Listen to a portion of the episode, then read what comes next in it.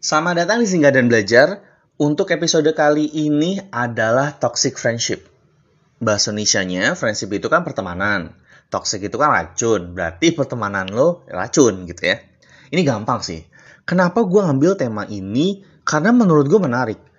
Dari tahun ke tahun, dari setiap orang itu akan ada selalu masa di mana kita tuh diingetin gitu. Kalau lu punya circle yang ternyata toxic teman ini bisa berarti teman kantor, bisa berarti teman kerja, teman kuliah, teman nongkrong, teman komunitas, teman apa lagi? Teman Discord, teman online, teman Facebook, Instagram, terserah sih. Terserah lo mau punya circle friendship kayak gimana. Tapi ya gue dari pribadi dan banyak banget pengalaman yang gue lihat dari orang-orang sekitar gue itu adalah mereka itu punya circle yang toxic gitu yang mereka sadarnya cukup terlambat, tapi akhirnya sadar. That's good point. Toh artinya mereka juga menyadari kalau ini tuh toxic. Nah, sebelum lebih lanjut, seperti biasa, definisinya dulu. Gampang banget sih ya kita definisinya, kita cerna sendiri dari katanya toxic, itu racun. Friendship, persahabatan. Berarti persahabatan lo adalah persahabatan racun. Racun gak sehat. Persahabatan yang tidak sehat. Persahabatan pertemanan yang tidak membawa dampak positif, yang membawa dampak yang lebih buruk untuk lo. Untuk perkembangan lo, untuk cara berpikir lo, untuk apalagi gaya hidup lo, dan lain-lain. Itu bisa banget dikategorikan toxic friendship. Yang menarik adalah ketika lo tidak menyadari kalau lo toxic, ada orang-orang lain yang lebih mudah menjudge atau menilai menghakimi lo punya toxic friendship tapi gak bisa menghakimi diri sendiri ini seru nih. Kenapa? Karena contohnya itu lu bisa aja bilang temen lu toxic nih. Tapi lu nggak sadar kalau ternyata di circle lu ada orang deket temen lu yang ternyata toxic. Sampai akhirnya ada orang lain yang bilang ke lu. Iya kan? Karena itu dia. Satu poin yang gue lihat adalah kita tuh sangat-sangat mudah menghakimi orang lain dari apa yang kita lihat dibandingkan kita melihat atau menilai diri kita sendiri bukan tentang sifat kita, tapi tentang pengaruh apa yang kita punya. Atau ini nih yang yang yang cukup menjadi perdebatan sebenarnya. Toksiknya mereka itu bisa ditoleransi atau dimaafkan oleh satu kebaikan yang pernah mereka lakukan sebelumnya. Iya kan? Contohnya, mereka adalah orang yang pernah nolong lu misalnya minjemin laptop untuk lu buat skripsi udah nih lu lulus dan segala macam long way setelah berlanjut beberapa hari beberapa bulan dan segala macam ternyata along the way dia ini toxic. Dia nggak membawa apa namanya dia nggak membawa dampak yang positif. Nggak netral juga justru buruk gitu. Misalnya kehidupan yang misalnya yang lo nyuruh lo nyaranin lo untuk untuk bohong sama orang. Terus untuk menipu orang gitu ya untuk mengakali atau me, apa supaya orang itu intinya menipu, menipu orang. Nah, ketika ada temen lo yang ngasih tahu, wih temen lo ini nggak bener nih, kayaknya makin hari lo makin berantakan. Dari ya pokoknya berantakan deh. Sampai temen lo yang baik ini ngingetin gitu, ngasih nunjuk bukti kalau gara-gara si A akhirnya lo jadi rusak. Tapi dengan perasaan lo merasa apa hutang budi, denialnya ini, akhirnya lo merasa bahwa enggak dia itu mungkin ya emang dia aja kayak gitu. Tapi dia pernah nolongin gue kok. Berkat dia skripsi gue selesai misalnya. Well ini yang jadi perdebatan. Kenapa? Karena akhirnya satu tindakan kebaikan mereka itu menutupi sekali lagi kata gue adalah menutupi sifat buruk seseorang. Menutupi dalam arti seperti lu denial gitu. Denial kalau dia itu membawa dampak buruk ke lo denial kalau dia itu sama sekali gak ada positif-positifnya untuk kehidupan lo gitu. Sampai segitunya ya. Karena itu terjadi. Terjadi di banyak orang yang mungkin gak terjadi di lo. Bagus sih, gue bersyukur. Tapi mungkin ada sahabat-sahabat lo, teman-teman lo yang punya cerita seperti itu. Ini seru banget menurut gue karena well it's real. Nyata gitu. Lo punya orang, temen deket, udah lama. Ternyata dia itu gak bawa dampak yang bagus buat lo gue inget banget ada satu uh, ini gue nonton talk show di luar negeri ya maksudnya di YouTube talk show luar negeri dia berada di lingkungan atau di lingkungan sekitar yang sulit mendukung untuk dia berkembang. Kayaknya ini juga sama dengan beberapa cerita di Indonesia gitu. Sulit berkembang.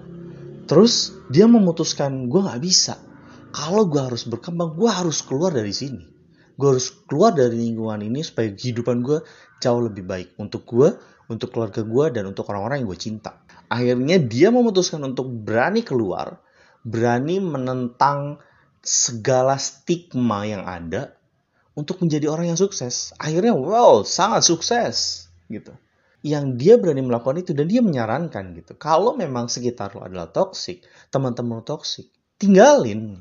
Tapi ini dari definisi ya, karena gue kayaknya langsung terbawa emosi nih ceritanya. Jadi dari definisinya dulu itu adalah pertemanan yang tidak membawa dampak baik, bukan lagi netral, tapi justru membawa dampak buruk untuk lo kayak familiar gitu ya.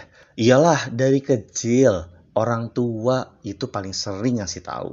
Terus juga orang-orang yang lebih dewasa dari kita dulu waktu kita kecil itu sering banget nasihatin kalau kita tuh kalau nyari temen tuh yang baik supaya kita kecepatan baiknya.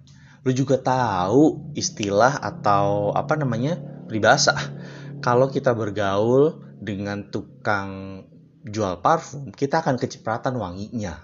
Dari artinya tuh kayak gitu. Sekarang gimana ciri-cirinya? Ada nih beberapa artikel yang ngasih tahu ciri-cirinya toxic friendship atau lo punya temen yang toxic gak sih sebenarnya? Atau lo berada di circle yang toxic gak sih sebenarnya gitu ya? Itu ada nih ciri-cirinya dari artikel ya. Jadi bukan dari gue. Dan ini hanya murni dari artikel yang gue baca beberapa artikel. Jadi gue mencoba merangkum. Gak semuanya gue sebutin. Karena setiap artikel punya ciri-ciri masing-masing jadi yang paling mendekati dengan yang gue lihat aja sih. Yang pertama, mereka sering ngerendahin lu, ngejek-ngejek lu, put you down gitu. Membuat tuh perasa rendah banget. Kayak misalnya nih, lu curhat tentang berat badan. Terus dari situ, dia ngerendahin lu dari situ.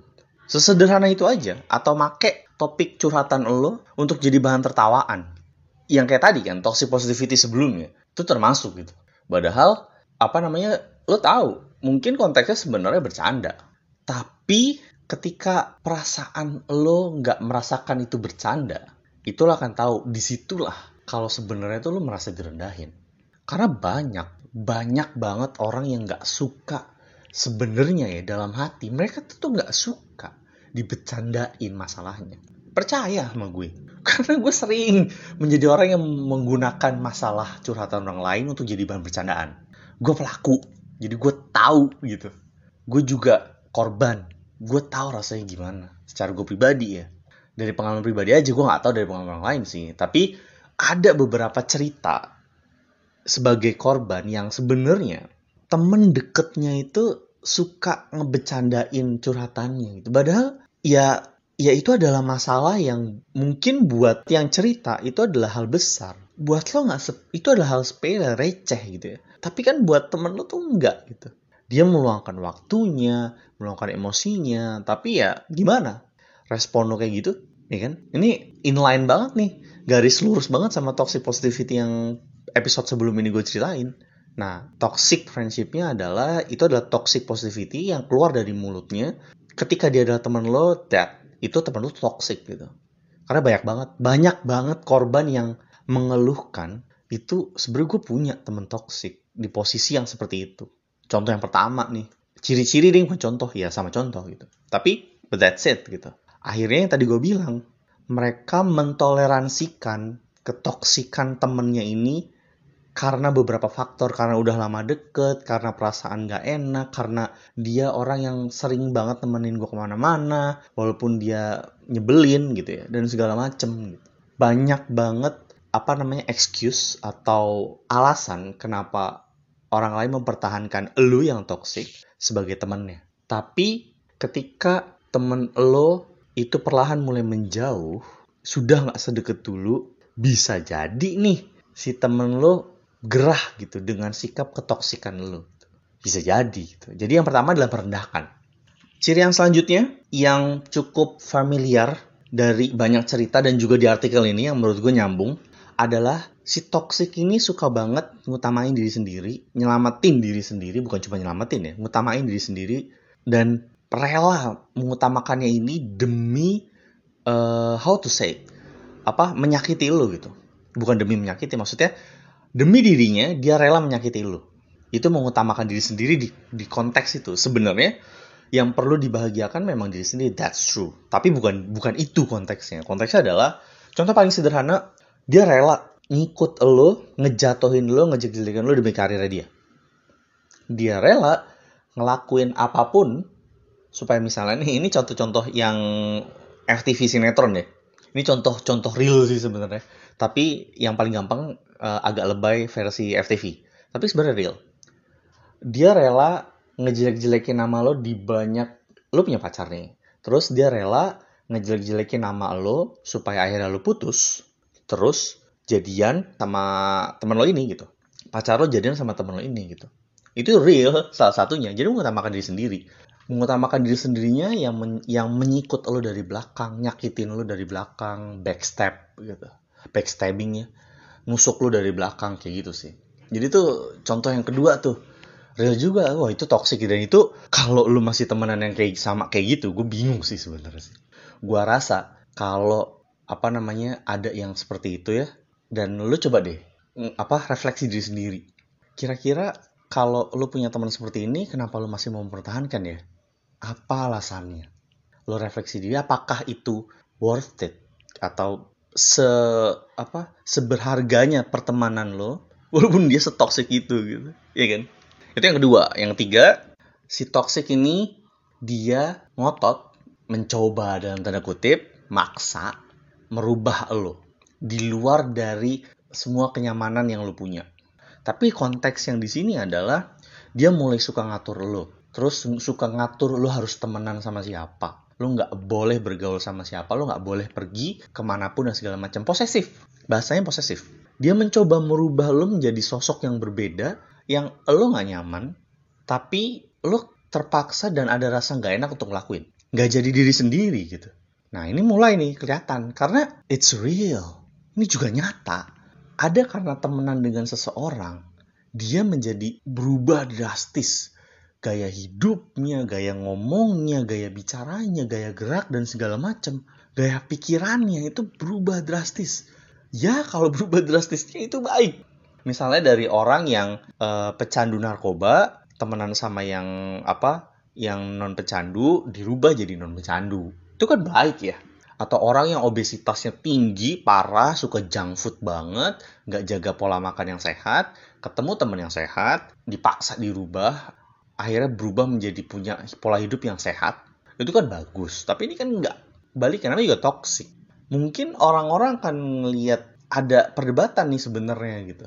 Tergantung perubahannya tapi biasanya perubahan yang real toxic yang bener-bener kelihatan toxic banget itu ketika lu bisa ngeliat gila ya sejak gaul sama dia parah banget loh udah nggak peduli lagi sama keluarganya terus udah nggak pernah sapa sama temen-temennya suka nganjing-nganjingin teman-temannya gitu-gitu sekarang dia kayak gitu banget semenjak gaul sama dia gitu nah kalau udah sejelas itu langsung cap toxic gitu Selanjutnya, ciri-ciri sebenarnya banyak banget ya, belasan, ada sampai 20 kali total yang gue baca. Tapi ini kayaknya ciri-ciri yang terakhir aja. Itu adalah manipulatif. Wih, ini ini toksik banget sih, manipulatif. Udah, lu tanya ke semua orang, kalau lu punya temen yang hobinya manipulatif, apalagi ke arah negatif, udah, langsung label, ini toksik parah, lo harus join orang itu. Itu gue denger banyak banget cerita punya temen yang manipulatif. Banyak Contoh manipulatifnya yang paling gampang memutarbalikan fakta, terus ngomong yang fitnah, manipulasi keadaan. Playing victim, seolah-olah ya itu kan memutarbalikan fakta. Yang tadinya dianggap sebenarnya nih, ketika ada masalah, ternyata salah teman lo si toxic bangsat ini. Nah, tapi karena dia orang yang manipulatif banget, dia putar balik nih faktanya, seolah-olah dia itu sebenarnya korban gitu. Iya nggak? Itu kan kampret ya, kayak gitu kan. Tapi itu kayak gitu. Tapi ini nyata gitu ada orang yang manipulatif kayak gitu. Nah, dari ciri-ciri ini, gue jadi mikir gitu. Waktu gue baca, gue jadi pikir ke diri gue sendiri. Jangan-jangan gue ini pelaku toxic friendship. Jangan-jangan gue ini gue yang toxic. Wih, kalau gue yang toxic, ternyata gue udah membawa dampak buruk ke orang lain dong. Iya kan? Ya syukur-syukur kalau mereka menjauh dari gua, merasa gua itu adalah toksik dan mereka menganggap gua perlu jauhi ya gue bagus sih. Tapi kan kalau pengaruhnya itu sudah real, udah nyata, udah dia berubah, sadarnya belakangan, kan jadi gimana ya? Ya ngerasa bersalah sih sebenarnya sih, iya kan? Tapi ya itulah, itulah ciri-ciri toxic dari friendship. Sekarang dampaknya nih, efeknya kalau lo berada di lingkungan yang toxic. Lo ataupun mungkin pelaku ya supaya kita sama-sama bisa sadar gitu. Dan dampaknya ini supaya kita mikir sama-sama ya. Coba deh kita pikir lo pernah nggak merasa dimanfaatin sama temen lo karena salah satu dampaknya atau efeknya itu adalah posisi di mana lo tuh dimanfaatin. Atau lo melihat ada temen lo yang dimanfaatin sama temennya kalau ada itu berarti ada indikasi kalau ini nih toxic nih ya. Ini nih indikasi toksik nih kalau merasa dimanfaatin. Apalagi untuk hal yang buruk ya. Kayak ya diporotin dan segala macam itu udah toksik banget sebenarnya gitu. Beda sama emang lu hobinya loyal aja gitu neraktir kanan kiri gitu. Beda sama kalau misal lu diporotin gitu. Itu dua hal yang berbeda banget gitu. Nah itu yang kedua tuh. Yang ketiga hilangnya rasa kepercayaan percaya atau ada trust issue dengan dengan beberapa orang ini biasanya sih after effect sih. Yang paling sering adalah after effect. Ketika lo percaya banget sama orang, sama temen lo, terus juga ternyata dia tuh toxic, akhirnya membuat lo jadi punya trust issue. Masalah kepercayaan. Di mana lo susah banget buat percaya sama orang lain lagi, susah banget buat percaya sama temen lo lagi. Bahkan untuk ngomong aja tuh susah. Kenapa? Karena lo akan ada perasaan di mana lo nggak dihargain, lo nggak nggak di apa namanya nggak dianggap, ya iyalah. Contoh pertamanya kan dia merendahkan lo. Trust issue-nya, dampaknya atau efeknya, ya lo susah buat percaya sama orang tuh cerita.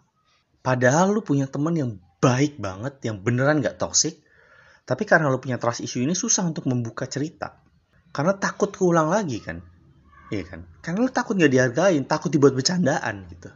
Kayak gitu gitu. Jadi mulai muncul rasa susah percaya. Hilang kepercayaan nih Dampak yang terakhir adalah tidak menjadi diri sendiri. Dampak, efek dari toxic adalah tidak menjadi diri sendiri. Nyambung banget sama yang awal gue buka tadi. Lo inget ketika gue bilang, ada lo orang-orang yang mentoleransi temen toksiknya karena satu perbuatan baik yang pernah dilakukan di masa lalu. Padahal, ada lanjutannya nih, jangan lo potong. Padahal, yang dia lakukan sekarang sangat-sangat membawa dampak buruk buat lo. Lo menjadi tidak tidak menjadi diri sendiri. Salah satu contohnya, orangnya manipulatif. Orangnya dengan ciri-cirinya tadi ya, udahlah manipulatif. Terus dia merendahkan lo setiap lo cerita. Bayangin aja, udah lalu nggak percaya sama temen lo, terus untuk cerita, lo melakukan apa namanya aksi merasa direndahin, gimana sih rasanya gitu? lo melakukan semuanya tidak atas keinginan diri lo sendiri lo nggak jadi diri lo sendiri apalagi si toxic ini ketika dia udah di level manipulatif dia bisa memanipulasi keadaan di mana dia akan punya power yang sangat besar, punya kuasa yang sangat besar di pertemanan kalian. Ingat, everything that you do, semua yang kalian lakuin itu kayak harus punya persetujuan dari dia, harus punya uh, authority atau di ACC sama temen lo yang toxic ini. Ke mana-mana harus kayak ngasih tahu si toxic ini dan segala macam. Misalnya lo mau ikut kajian uh, apa namanya kajian ibadah hari minggu atau hari sabtu. Terus habis itu lo bilang sama si toxic ini nggak perlu gitu-gituan. Dimanipulatif ngebacot sana sini akhirnya terbrainwash otak lo lo nggak jadi pergi Padahal itu adalah hal yang baik gitu. Daripada kayak gitu, mendingan lo nyopet. kan itu manipulatif banget ya. Nah, akhirnya lo gak jadi diri sendiri gitu. Yang lo lakukan bersama dia adalah sebuah keterpaksaan. Lo merasa terjebak, terhimpit, lo gak bisa ngapa-ngapain. Kenapa? Karena si bangke ini, si bangsat ini, si toxic temen lo ini, dia mampu memanipulatif semuanya, punya power, seolah-olah dialah yang menentukan apa yang baik dan tidak untuk kehidupan lo. Wih, kalau dia udah sampai kayak gitu, mas bro, mbak sis, Wah itu bahaya sih. Tapi inilah dampaknya. Dan yang paling terasa adalah dari seluruh toxic friendship ini keluar dari sana mengatakan ke diri lo bahwa cukup bener-bener cukup gue mau udah temenan sama dia gue nggak mau kasih toleransi apa pun toleran nilai toleran sepersen pun ke orang itu. Gue nggak mau. Enough is enough. Tapi itu susah. Kenapa? Karena apalagi yang tadi gue bilang ya apalagi kalau si toxic ini adalah di level manipulatif. Seolah-olah lo itu rusak bukan karena dia tapi karena memang lo sendiri. No It's not like that. Kenyataannya adalah banyak banget di lingkungan sekitar, bahkan lingkungan sekitar gue, yang mengalami toxic friendship ini. Yang dia berjuang mati-matian untuk keluar dari zona toxic ini. Ada yang sampai diancam loh. Diancam di segala macam banyak lah. Itu kan termasuk kayak, nih lu tau kan ya cerita-cerita kayak toxic relationship yang temennya, yang si pasangannya tuh brengsek Terus ketika mau putus diancam sana sini dan segala macam. Itu juga terjadi di pertemanan. Bisa banget terjadi. Gitu. Yang gak enak banget ini tuh adalah dia akan ngungkit satu kebaikan yang pernah dia lakukan di masa lalu. Untuk sebagai kayak kayak gini nih. Lu lupa eh. Gua lo yang dulu nolongin lo tapi sekarang lu nyalahin semuanya karena gua. Lu rusak itu karena diri lu. Kenapa lu nyalahin gue? Nah ini nih. Kalimat ini nih. Ini familiar banget. Ya kalimat FTV sinetron banget sih. Cuma Cuma kalimat ini nyata. Kalimat ini sangat-sangat ada. Dan diucapkan oleh orang-orang. Yang pengen banget temen baik lo lakukan adalah dia cuma bisa ngingetin. It's true, segala keputusannya itu ada di lo sebagai kontrolnya. Tapi kalau lo sudah terjebak, maka keputusannya bukan lagi di lo gitu. Kayak lo akan merasa bersalah kalau lo memutuskan sendiri. Kan tadi gue bilang ya, contoh manipulatif adalah contoh yang paling berbahaya. Uh, eh, gue nggak bilang paling berbahaya, tapi contoh yang gila sih, kacau. Kalau punya temen toksik yang manipulatif, karena dia bisa ngebuat lo harus ngelaporin apa aja, pokoknya seposesif itulah. Namanya juga toxic kan. But then again, ini adalah kehidupan lo. Buat gue, kalau memang lo memberanikan diri untuk cerita, silahkan cerita, speak up. Karena ini udah masanya untuk speak up masanya untuk lu cerita. Banyak kok platform-platform yang menyediakan lo untuk cerita. Lu bisa pakai di TikTok, YouTube, Instagram, terus apa lagi? Lu bisa pakai, lu cerita ke akun alter di Twitter. Banyak yang akan orang mendukung. Bahkan lu spill di, di Twitter tuh, kalau memang dia toxic, banyak yang akan mendukung lu. Karena kita peduli. Beda sama dulu ya, susah banget buat speak up. Kalau sekarang, udah banyak banget platform yang bisa menyediakan untuk speak up. Jadi, penting untuk menyadari apa suasana kita nih toksik atau enggak sebenarnya sih temenan-temenan kita nih kiri kanan itu sebenarnya toksik atau enggak sih? Karena pertemanan adalah salah satu faktor tambahan yang dapat membuat lo menjadi manusia yang lebih baik. Yang faktor utamanya kan niat lo ya kalau lo emang pengen jadi lebih baik. Tapi dengan mempunyai lingkungan yang baik yang sehat itu akan memudahkan lo ke arah sana. Nah sekarang dari baca ini gue ngerasa bahwa kayaknya gue pernah menjadi temen yang toksik untuk temen gue. Gue merasa dari gue baca ya, gue merasa kayaknya gue pernah di posisi itu. Gitu. Dan gue nggak sadar ternyata gue tuh toksik ya. Nggak tahu sekarang ya, mungkin dulu iya. Nggak tahu sekarang. Kalau sekarang iya ya, it's time for me to learn. Saatnya untuk belajar supaya jauh lebih baik lagi. Supaya gue bisa apa namanya tidak menjadi teman yang toksik mungkin belum bisa menjadi teman yang baik tapi yang akan gue lakukan seminimal seminimal mungkin gue nggak akan menjadi teman yang toksik buat teman-teman gue. Kayak gitu sih. Jadi ini apa yang gue lakukan? Dari gue baca ini gue cerita toxic friendship di singgah dan belajar ini bukan gue wah gue tuh udah tahu banget gimana caranya. Gue tahu banget gimana ngebedainnya. Enggak gitu. Kan tadi gue barusan bilang kayaknya gue tuh pelaku gitu. Pelaku toksik ya. Dan momen ketika gue bilang ini adalah momen di mana gue tersadarkan, makin dibukakan pandangan gue, point of view, bahwa oh ini loh toxic friendship. Apakah gue terjebak di dalam toxic friendship? Atau bahkan paling ngeri, apakah gue pelakunya justru? Kalau kita pelakunya, gue rasa sih, yuk mari kita sama-sama memperbaiki diri. Karena kayaknya menjadi orang yang lebih baik menjadi teman yang baik itu adalah sebenarnya hal yang sulit. Sulit lu jadi teman yang baik. Paling tidak mungkin susah untuk menjadi teman yang baik, tapi seminimal mungkin kita jangan deh jadi temen yang nyakitin. Jangan deh kita jadi temen yang bawa dampak buruk. Ya kalau lo mau brengsek, brengsek aja. Jangan ngajak-ngajak. Kalau lo mau ngelakuin maksiat, ngelakuin maksiat aja sendiri sono, jangan ngajak-ngajak gitu. Kan kayak gitu ya. Jadi kalau emang lo bisa gitu membawa hal baik ya bagus gitu. Dan satu yang akan jadi perdebatan, ini lo tanya ke diri lo sendiri ya ini adalah pertanyaan buat diri lo sendiri, termasuk buat pertanyaan diri gue sendiri. Ketika gue tahu sekarang gue punya teman toksik, tapi si temen ini, temen gue ini, dia mempunyai atau dia sudah melakukan satu kebaikan di masa lalu, gue akan melakukan apa ke temen gue ini? Jadi ini adalah pertanyaan buat lo juga gitu. Buat kita mikir sama-sama gitu. Yes, betul. Lu punya temen yang di masa lalunya adalah yang berjasa buat lo pernah melakukan satu kebaikan yang penting buat lo. Tapi sekarang yang dia tunjukkan, yang dia lakukan adalah toksik membawa dampak buruk buat lo.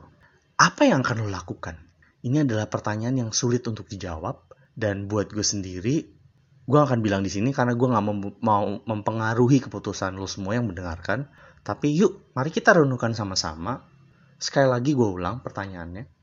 Kita renungkan sama-sama, kita bertanya ke diri sendiri, seandainya kita punya satu teman yang sekarang toksik, sebelumnya dia itu mempunyai jasa yang lumayan berharga buat kita. Ada satu kebaikan yang bernilai dilakukan di masa lalu, tapi sekarang dia toksik. What will you do? Itu akan menentukan sikap lo, itu juga akan menajamkan pola pikir lo, bagaimana kita bisa memilah memilah-milah, memilih-milih kita mau berteman dengan yang seperti apa. So, in the end of the day, lo akan punya banyak banget kategori pertemanan yang deket banget, yang oh temen ini cuma bisa gue ceritain masalah kantor doang. Temen yang ini gue ceritain tentang masalah asmara gue. Oh ini temen yang ini gue ceritain tentang keluharian seharian gue. Oh temen yang ini, oh temen yang ini mah bercanda biasa aja. Temen yang si satunya lagi, oh dia masalah kehidupan olahraga gue nih, masalah dia fitness dan segala macam ke dia. Tapi gue akan ngomongin personal kayak gitu-gitu lo akan punya banyak banget kategori. Tanpa lo sadarin bahkan. Itu lo akan memilah sendiri. Tapi dengan pertanyaan tadi yang gue bilang, kalau lo bisa memikirkan dengan mendalam, ini akan bisa menajamkan. Lo bisa lebih bisa melihat kategori-kategori ini. So that's it. Itu aja dari gue saat ini. Toxic friendship. Seru banget ya. Seru banget ini. Ah, buat diobrolin, ngobrol sambil ngopi, bisa sampai 2 jam, 3 jam sih ngobrol kayak gini. Bahkan lebih. Karena nih seru banget untuk diomongin apalagi untuk share pengalaman-pengalaman itu is one of the thing that will gila membawa lo ke dunia yang berbeda. So that's it. Thank you very much. Terima kasih sudah mau mendengarkan, sudah mau singgah di Sika dan Belajar. Sampai berjumpa di episode selanjutnya. Bye bye.